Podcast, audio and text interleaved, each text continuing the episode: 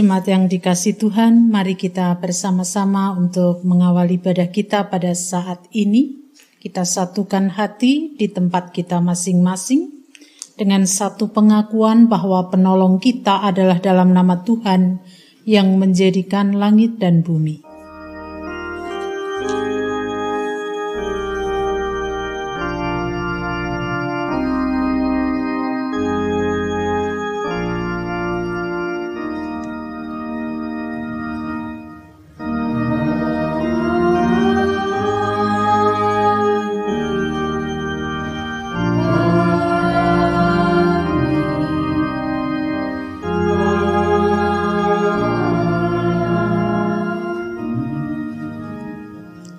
Kasih karunia dan damai sejahtera dari Allah Bapa kita dan dari Tuhan Yesus Kristus menyertai saudara sekalian.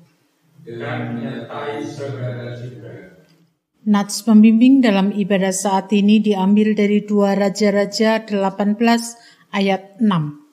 Ia berpaut kepada Tuhan, tidak menyimpang daripada mengikuti dia, dan ia berpegang pada perintah-perintah Tuhan yang telah diperintahkannya kepada Musa. Demikianlah ayat yang akan membimbing dalam seluruh rangkaian ibadah kita pada hari ini dan kita akan bersama-sama mensyukuri akan hari yang sudah Tuhan berikan kepada kita, membawa kita bahagia, kita boleh beristirahat dari kelelahan kita, keletihan kita, dan kita menikmati kebaikan Tuhan dalam hidup ini. Kidung Jemaat 21 bait 1 dan 2 kita pujikan bersama-sama hari Minggu hari yang mulia.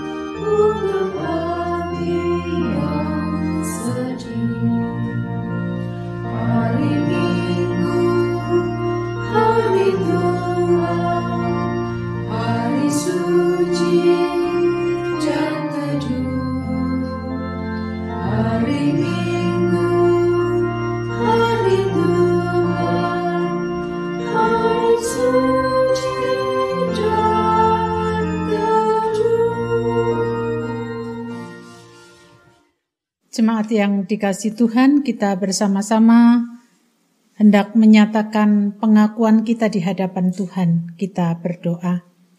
Tuhan yang mengasihi kami, sungguh kami merasakan kebaikan Tuhan yang senantiasa Tuhan berikan kepada kami, tetapi sering kali kami mengesampingkan apa yang kami terima itu, sehingga sering kali kasih Tuhan tidak kami respon, dengan cara kami mengasihi Engkau tidak dan juga mengasihi sesama kami.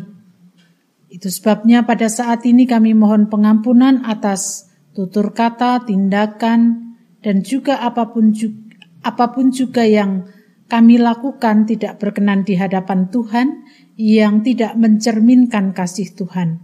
Ampuni ya Tuhan, dosa dan kesalahan kami. Inilah doa kami dalam nama Tuhan Yesus kami berdoa. Amin.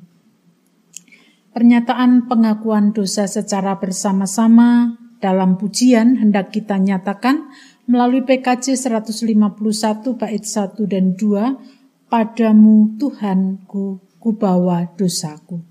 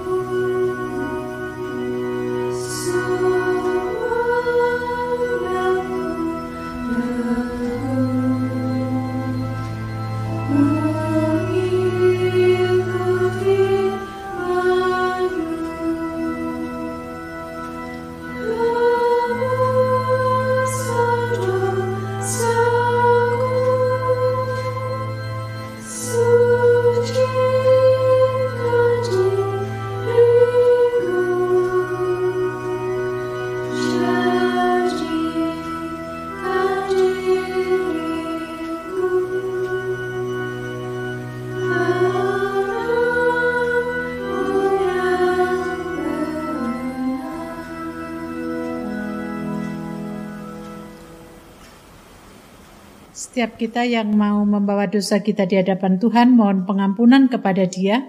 Dia akan menerima apa yang kita sampaikan kepadanya dan bahkan menebus dan mengampuni dosa kita.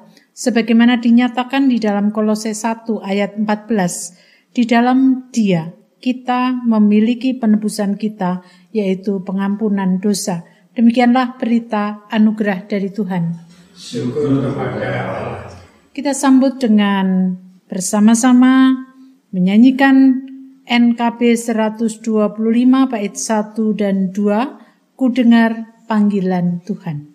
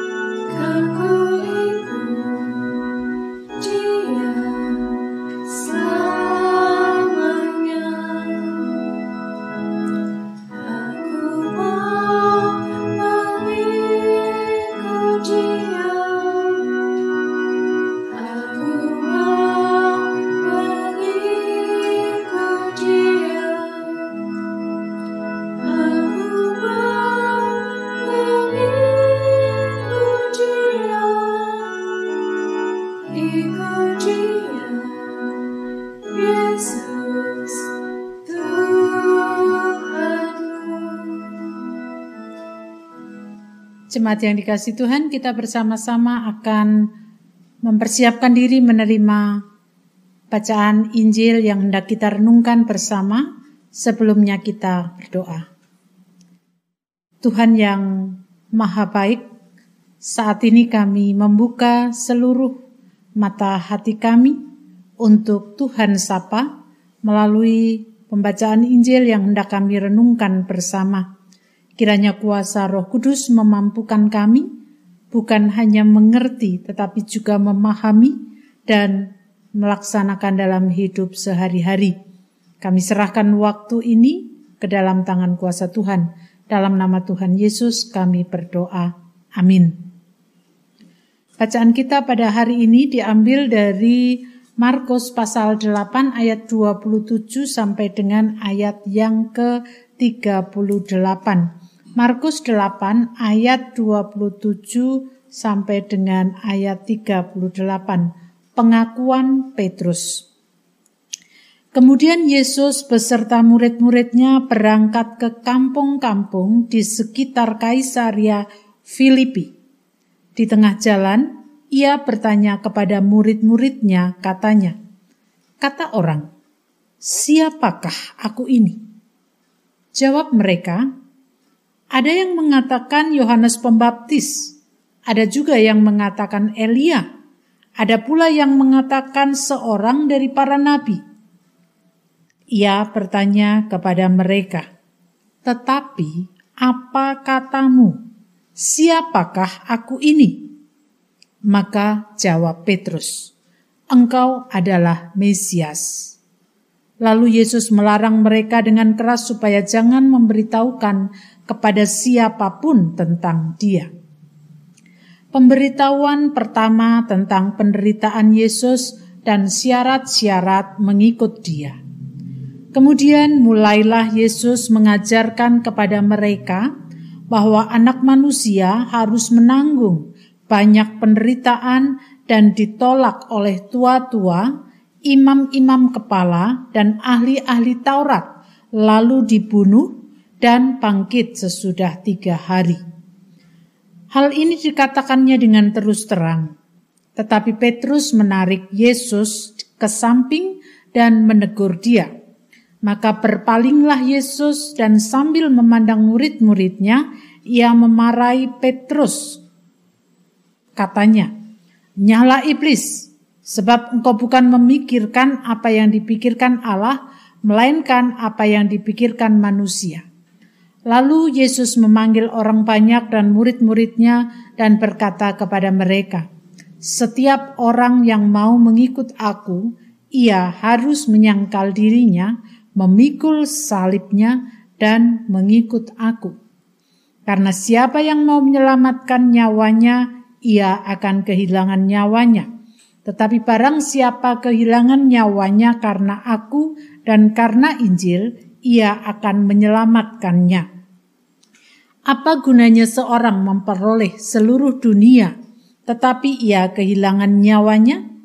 Karena apakah yang dapat diberikannya sebagai ganti nyawanya? Barang siapa malu karena aku dan karena perkataanku di tengah-tengah angkatan yang tidak setia dan berdosa ini, anak manusia pun akan malu karena orang itu apabila ia datang kelak dalam kemuliaan Bapaknya diiringi malaikat-malaikat kudus. Demikianlah pembacaan kita pada pembacaan Injil kita pada hari ini. Berbahagialah kita yang mau mendengarkan, merenungkan, bahkan melaksanakan dalam kehidupan sehari-hari. Haleluya!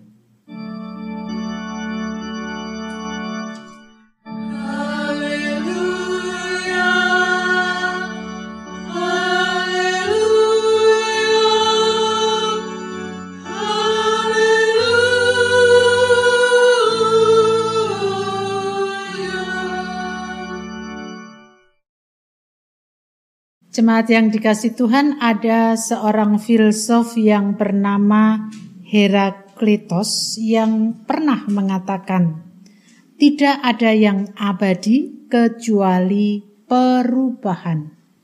Tidak ada yang abadi kecuali perubahan. Artinya apa? Artinya semua yang ada di dunia ini tidak akan ada yang tetap. Kalau saat ini kita berbincang atau berbicara tentang kehidupan, maka tidak ada orang yang hidupnya tetap saja sampai mati. Pasti ada perubahan-perubahan yang terjadi di dalam hidupnya. Dalam strata sosial mungkin orang itu mengalami perubahan dari yang miskin menjadi kaya, tetapi ada juga yang kaya menjadi miskin. Atau mungkin dalam strata ekonomi, dalam strata sosial. Yang semula dia adalah orang-orang biasa saja tetapi suatu saat dia bisa memiliki kedudukan. Dan juga dalam hal-hal yang lain, karena tadi dikatakan tidak ada satupun yang tetap, kecuali perubahan itu. Dengan kata lain, saya ingin mengatakan bahwa orang hidup itu tidak akan pernah senang terus. Pasti ada saatnya orang mengalami kesusahan. Orang hidup itu tidak akan terus ya aman-aman saja. Ada saatnya dia mengalami sebuah permasalahan yang rumit. Dan itulah yang saya sebut dengan dinamika. Dinamika tersebut pasti terjadi di dalam kehidupan kita, secara pribadi maupun dalam kebersamaan. Dan dinamika ini juga terjadi di dalam kehidupan setiap pengikut Tuhan. Mengikut Tuhan itu jalannya tidak selalu lurus. Ada kalanya berkelok-kelok, bahkan berbatu-batu. Kadangkala kita yakin betul bahwa Tuhan menolong saya. Tetapi kadangkala kita ragu apa iya. Kadangkala kita ragu bagaimana nanti kalau seperti ini dan lain sebagainya. Bahkan tidak sedikit yang kemudian putus asa. Tidak sedikit yang kemudian menjauh dari Tuhan. Itulah yang itulah dinamika yang sering kali terjadi dalam hidup ini. Bapak Ibu Saudara yang dikasih Tuhan, bacaan kita pada saat ini memberikan gambaran kepada kita Bagaimana murid Yesus yang selalu bersama dengan Dia. Ternyata kebersamaan murid Yesus dengan Dia pun mengalami dinamika yang dalam bahasa saya tidak mudah dipahami, sulit dipahami. Dinamika yang sulit dipahami. Dalam perikop saat ini ada sebuah perubahan dalam Yesus mengajar kepada murid-murid. Pasal 1 sampai dengan pasal 8 ayat yang ke-26.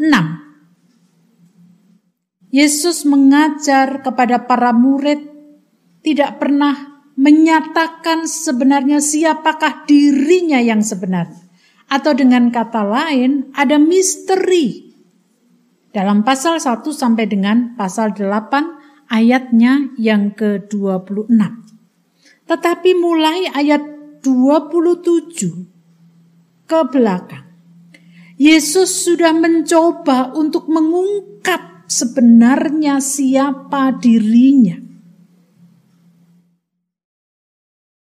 Yesus hendak mengungkap mengungkap misteri yang selama ini diajarkan melalui karya-karyanya.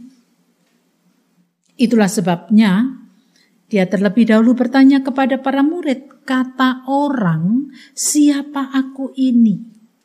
Mereka menjawab, oh ada yang mengatakan Yohanes Pembaptis, Elia, atau seorang dari para nabi. Apakah jawaban murid terhadap opini orang banyak itu salah? Atau Apakah opini orang banyak tentang Yesus itu salah? Tentu saja kita tidak bisa kemudian menghakimi bahwa apa yang dikatakan mereka dan juga yang dikatakan para murid itu salah. Mengapa? Karena Yesus dalam karya-karya sebelumnya memang tidak pernah menjelaskan secara eksplisit tentang dirinya. Itulah sebabnya kalayak or, atau orang banyak mempunyai pandangan macam-macam. Bagi mereka, Yesus itu adalah manusia, tetapi manusia biasa, tetapi memiliki tindakan yang luar biasa. Nah, manakala mereka melihat Yesus adalah manusia biasa, tetapi karyanya luar biasa atau tindakannya luar biasa, ada orang yang kemudian mengingat Yohanes Pembaptis, dan mereka berpikir kemungkinan adalah Yesus adalah Yohanes Pembaptis yang bangkit. Tidak salah, karena mereka pernah mengalami apa yang kebersamaannya dengan Yohanes Pembaptis. Tetapi bagi orang yang belajar perjanjian lama, yang juga berharap Elia akan datang mendahului akhir zaman, orang-orang itu berbicara siapa Yesus ini? Yesus adalah Elia. Tetapi tidak sedikit juga yang kemudian mempunyai pemahaman bahwa Yesus adalah salah seorang dari para nabi. Bapak Ibu Saudara yang dikasih Tuhan, dari ketiga jawaban tersebut hendak dikatakan kepada kita bahwa Yesus bukan manusia biasa, tetapi ia luar biasa sehingga wajar kalau kemudian mereka mencari keserupaan dengan tokoh yang selama ini mereka tahu. Baik di dalam Alkitab maupun di dalam perjumpaannya. Dan ketika Yesus mendengar jawaban para murid ada yang Yohanes Pembaptis, Elia atau salah seorang dari nabi, Yesus tidak ingin memperdebatkan opini atau jawaban atau pemahaman banyak orang tentang dirinya. Dia hanya ingin tahu tentang jawaban para murid. Lalu ia melanjutkan seberapa jauh pemahaman para murid yang selalu setiap saat bersama-sama dengan dirinya. Memahami dia itu siapa. Maka dia menjawab, dia bertanya, apa katamu? Siapakah aku ini? Petrus mewakili para murid menjawab, engkau adalah Mesias Jawaban yang sangat-sangat singkat. Mereka mengetahui karya-karya Yesus sebelumnya. Karya-karya Yesus yang dilakukannya adalah karya yang memulihkan, karya yang menyembuhkan, karya yang menjadikan orang mengalami sebuah pembaharuan di dalam hidupnya melalui karya-karya itu, para murid memahami bahwa dialah Mesias yang datang, yang akan memulihkan kondisi Israel. Tetapi Bapak Ibu Saudara, Mesias yang dipahami di sini adalah Mesias yang yang dipahami oleh para murid adalah Mesias yang juga pada waktu itu dipahami oleh kebanyakan orang. Nah, karena mereka masih mempunyai pemahaman sebagaimana kebanyakan orang, maka kemudian Yesus memberi mulai memberikan pengajaran yang berbeda dengan perikop-perikop atau pasal-pasal sebelumnya, bahkan dia sudah mulai berterus terang tentang siapa dan apa yang harus terjadi atas dirinya. Ada pengajaran baru jadi Yesus tidak selalu mengajar sebagaimana pasal-pasal sebelumnya, tetapi dia sudah mulai memberikan sesuatu yang baru kepada para murid dan bahkan sesuatu yang terus terang tentang dirinya. Di sinilah Yesus mulai memberikan pengajaran bahwa ia akan mengalami penderitaan, ia bahkan ia akan dibunuh. Dan tentu saja pengajaran Yesus kepada para murid ini sangat sulit dipahami karena mereka berpikir bahwa Mesias itu adalah sosok yang tidak akan mungkin kalah tidak akan mungkin menderita karena dia akan memulihkan, akan menolong, akan melakukan karya-karya yang sangat hebat. Sulit menerima. Bahkan mereka terkejut dengan apa yang disampaikan Yesus kepada para murid. Itulah sebabnya kemudian Petrus menegur dengan keras karena mereka berpikir tidak mungkin yang namanya Mesias itu akan mengalami kondisi yang seperti itu. Jadi Petrus dan murid-murid yang lain punya pikiran bahwa Mesias itu adalah sosok yang gagah berani yang akan bisa melakukan segala hal dengan luar biasa. Tetapi kontradiksi ketika Yesus mengatakan ia akan menderita, ia akan dibunuh. Petrus dan murid-murid tidak bisa menerima pengajaran itu. Memang sebelumnya Yesus belum pernah menjelaskan misinya secara jelas sehingga wajar kalau kemudian mereka terkejut. Respon Yesus kepada para murid yang diwakili oleh Petrus menunjukkan betapa ada perbedaan yang kontras dengan pemahaman murid-murid selama ini. Tidak dikatakan bagaimana respon mereka kemudian secara konkret, tetapi melalui apa yang diungkap oleh Petrus tadi Sebenarnya mereka berontak. Tidak bisa, yang namanya Mesias tidak bisa seperti itu.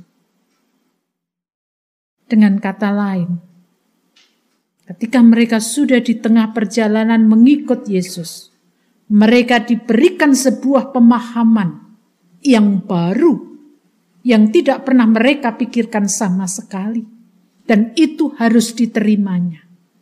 Tentu mengakibatkan pergumulan dalam kehidupan mereka. Ada pergumulan. Tidak tentu sulit untuk menerima pernyataan atau pengajaran Yesus itu. Yesus tahu bagaimana pergumulan para murid, maka kemudian selanjutnya dia menegaskan kembali syarat mengikut dia. Yang pertama adalah mengikut dia. Artinya apa? Memiliki komitmen. Kalau orang sudah berkomitmen, apa pun pergumulan yang harus dialami dalam kehidupannya, ya komitmennya mengikut Yesus. Itu sangat penting untuk senantiasa dipegang di dalam kehidupan ini. Yang kedua, menyangkal diri. Tidak mengikuti apa yang menjadi keinginan dirinya tetapi mengikuti kehendak Allah. Yang ketiga, memikul salib. Artinya, ketika menjadi pengikut Yesus harus berani untuk mengalami realita sulit sekalipun dalam hidup ini.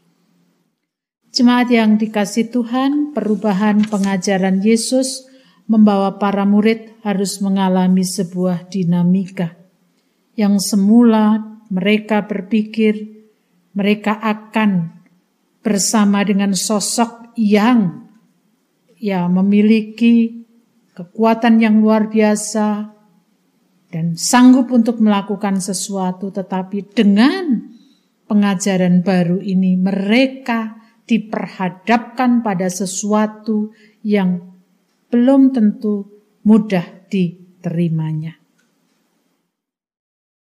Tetapi walaupun sulit menerima, Yesus tetap harus mengajarkan itu kepada mereka. Bapak, ibu, saudara yang dikasih Tuhan, banyak orang berpikir bahwa menjadi pengikut Tuhan itu pasti akan selalu sukses, selalu mendapat berkat. Kalau selalu berarti terus-menerus. Yang namanya dinamika itu tidak akan pernah seperti itu. Berkat pasti diberikan, tetapi berkat pem, dalam pemahaman ini tidak selalu berkat sebagaimana yang kita pikirkan. Itu sebabnya melalui bacaan ini kita diingatkan bahwa dinamika sebagai pengikut Tuhan itu tidak terus. Kadangkala naik turun naik turun. Tetapi satu hal yang harus terus kita pegang. Kita harus memiliki komitmen mengikut Dia. Kita harus terus belajar menyangkal diri dan memikul salib. Tidak mudah, tetapi itulah yang harus kita lakukan dalam kehidupan kita.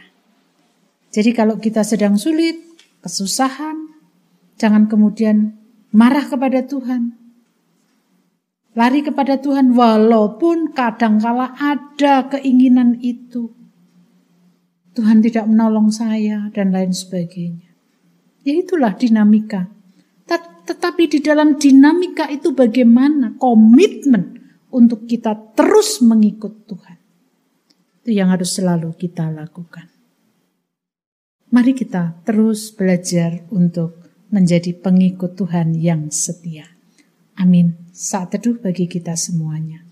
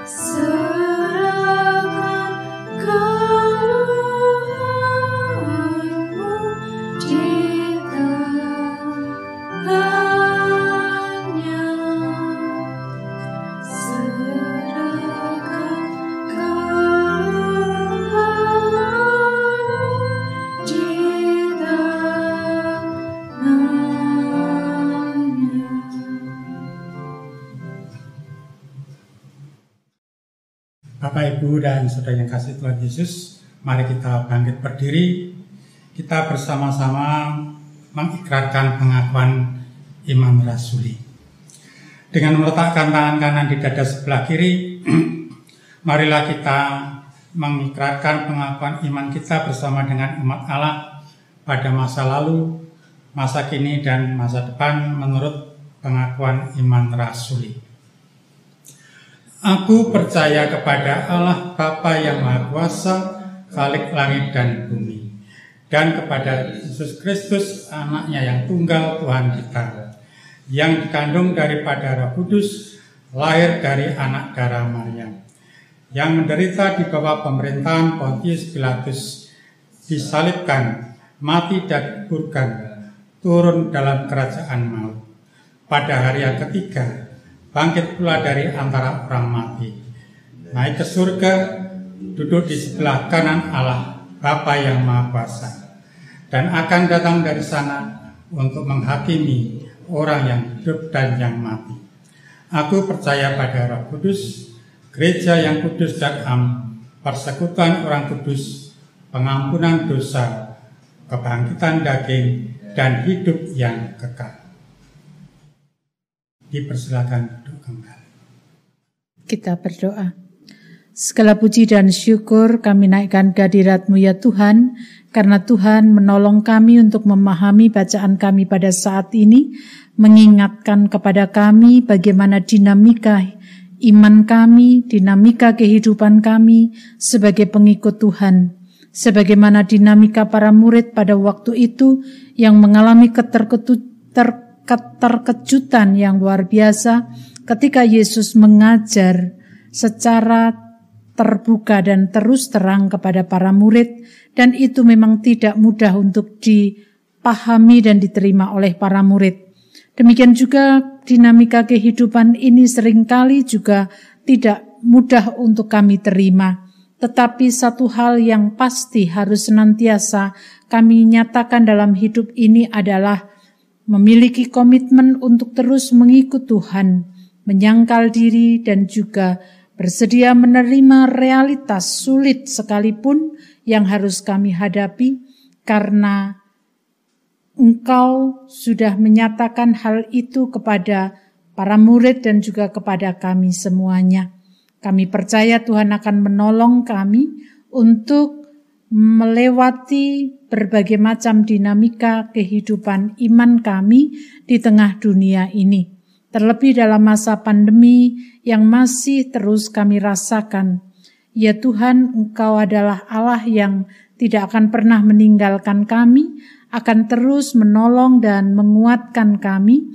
Oleh karena itu, segala pergumulan, sakit penyakit, atau masalah-masalah yang tidak bisa kami sebutkan satu persatu, tetapi itu menjadi sebuah dinamika yang harus kami hadapi saat ini.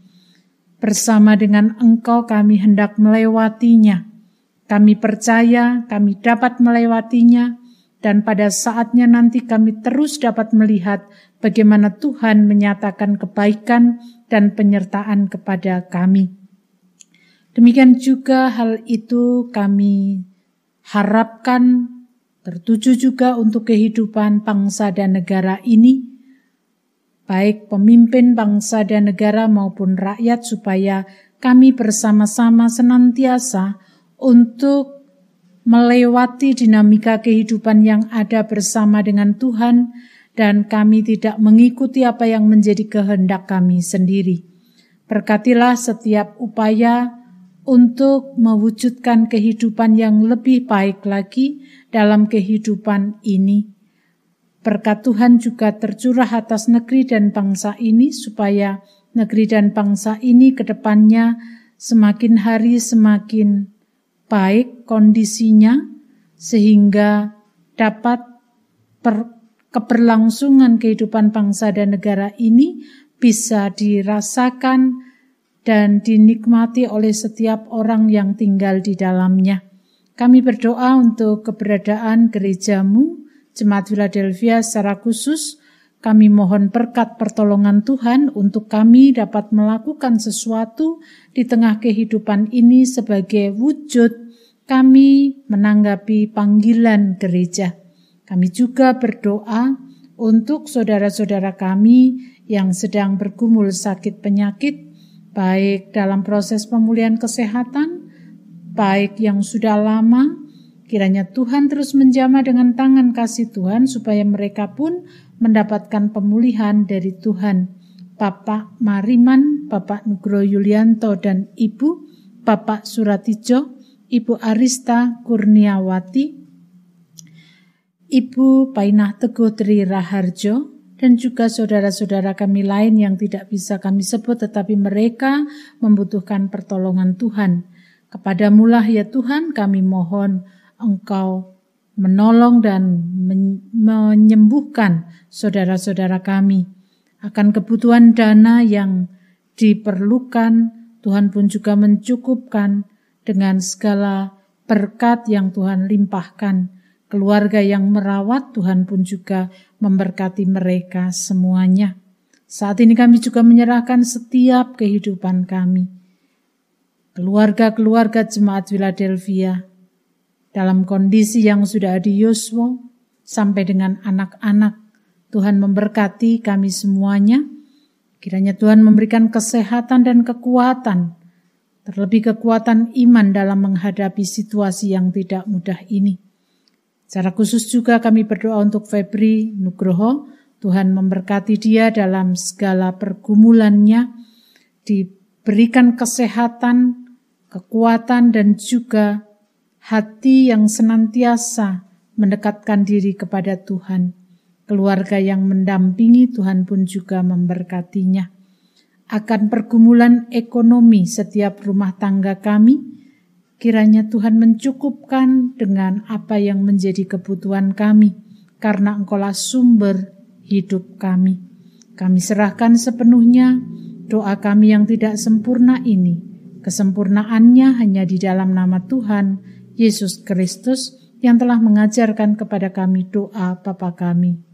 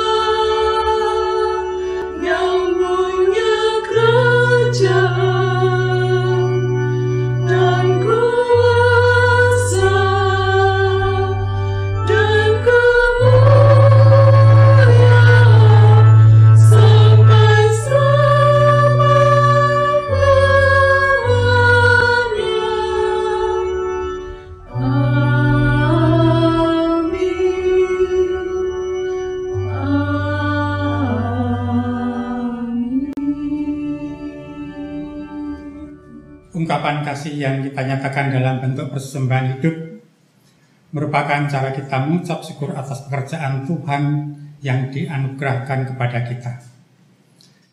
Dasar persembahan diambil dari Lukas 21 ayat 1 sampai dengan yang keempat yang demikian. Ketika Yesus mengangkat mukanya, ia melihat orang-orang kaya memasukkan persembahan mereka ke dalam peti persembahan. Ia melihat juga seorang janda miskin memasukkan dua peser ke dalam peti itu. Lalu ia berkata, Aku berkata kepadamu, sesungguhnya janda miskin ini memberikan lebih banyak daripada semua orang itu. Sebab mereka semua memberi persembahannya dari kelimpahannya, tetapi janda ini memberi dari kekurangannya. Bahkan ia memberi seluruh nafkah berkahnya. Bapak Ibu, mari kita menyanyikan dari pelengkap Kidung Jemaat 150 bait pertama dan kedua Ya Tuhan hanya inilah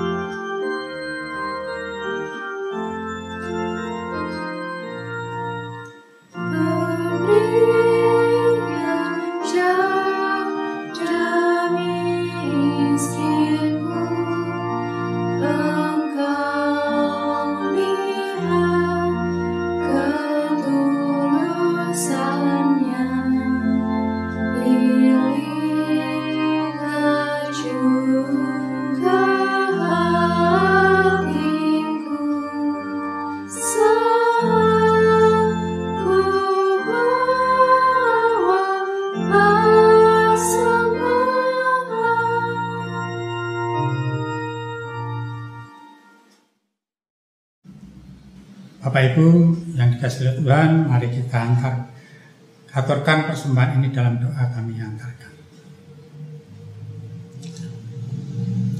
Terima kasih ya Tuhan karena penyertaan Tuhan di dalam hidup kami setiap hari hingga pada pagi hari ini Tuhan juga masih memberikan kesempatan kami, aktivitas kami untuk mengadakan ibadah pada pagi hari ini. Semua itu adalah berkat dan anugerah Tuhan yang telah kami terima. Tuhan, pada kesempatan pagi hari ini kami mengadakan ibadah di rumah kami masing-masing. Ya Tuhan, tetap menyertai kami walaupun masih dalam kondisi pandemi COVID-19, tapi semua itu tidak menghalangi niat kami dalam kami memuji dan memuliakan nama Tuhan. Pada kesempatan ini ya Tuhan, kami datang dengan mengaturkan persembahan kami. Persembahan yang kami kumpulkan dalam bentuk uang. Hanya Tuhan berkati, Tuhan sucikan, agar persembahan ini dapat bermanfaat bagi kemuliaan nama Tuhan. Dan di dalam kami memuji dan memuliakan nama Tuhan. Tuhan Persembahan ini kami persembahkan dengan rasa sukacita hati kami. Oleh karena itu, terimalah ya Tuhan. Apabila di dalam kami mempersembahkan persembahan ini, ada kekurangan kami, ada dosa-dosa kami, kiranya Tuhan mengampuninya. Di dalam nama Tuhan Yesus Kristus, kami berdoa dan mengucap syukur. Amin dinamika hidup senantiasa ada dalam hidup ini, tetapi yang paling penting adalah bagaimana dalam dinamika hidup yang kita jalani. Maukah kita selalu punya komitmen mengikut Dia, menyangkal diri, dan memikul salib? Pujian yang hendak kita nyanyikan bersama ini hendak mengingatkan kepada kita bagaimana kita menyikapi dinamika hidup di tengah hidup ini. Kidung Jemaat 372 bait 1, 2, dan 3. Kita pujikan bersama-sama dengan bangkit berdiri.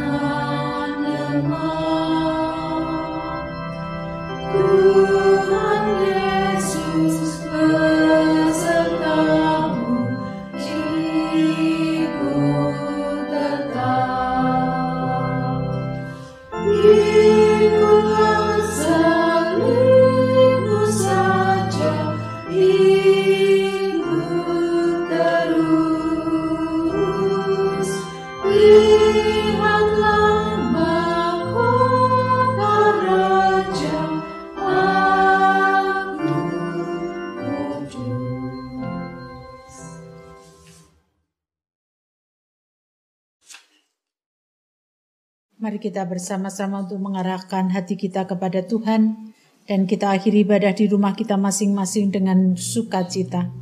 Kita lanjutkan hidup ini dan terus berkarya bagi Tuhan, kita terima berkatnya. Kasih karunia Tuhan Yesus Kristus dan kasih Allah Bapa serta persekutuan Roh Kudus menyertai kita sekalian selama-lamanya